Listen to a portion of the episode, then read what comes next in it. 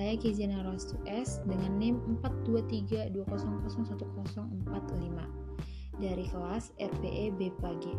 Nah, kali ini saya akan membahas isu kontemporer yang berkaitan dengan wawasan nasional yang saya ambil dengan judul Fenomena dan Kontroversi Hak Cipta Kasus Pencurikan Kesenian Reok Ponorogo.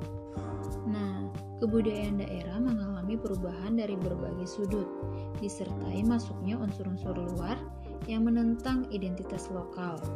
Namun, desentralisasi politik di Indonesia dan pemindahan kewenangan dalam bidang pendidikan dan kebudayaan yang dalam tangan pemerintah daerah mendorong pengembalian kembali identitas budaya daerah tersebut.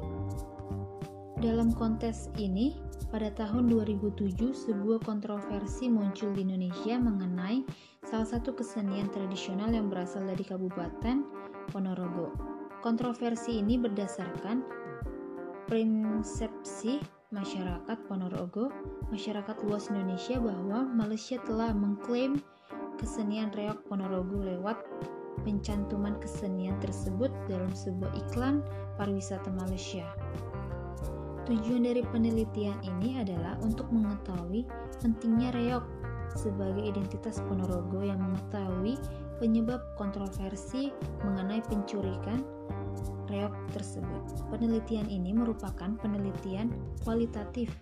Data diperoleh melalui wawancara dengan informan atau kepala dinas kebudayaan dan informal pariwisata kebudayaan merupakan teknik utama dalam proses pengumpulan data dalam penelitian ini.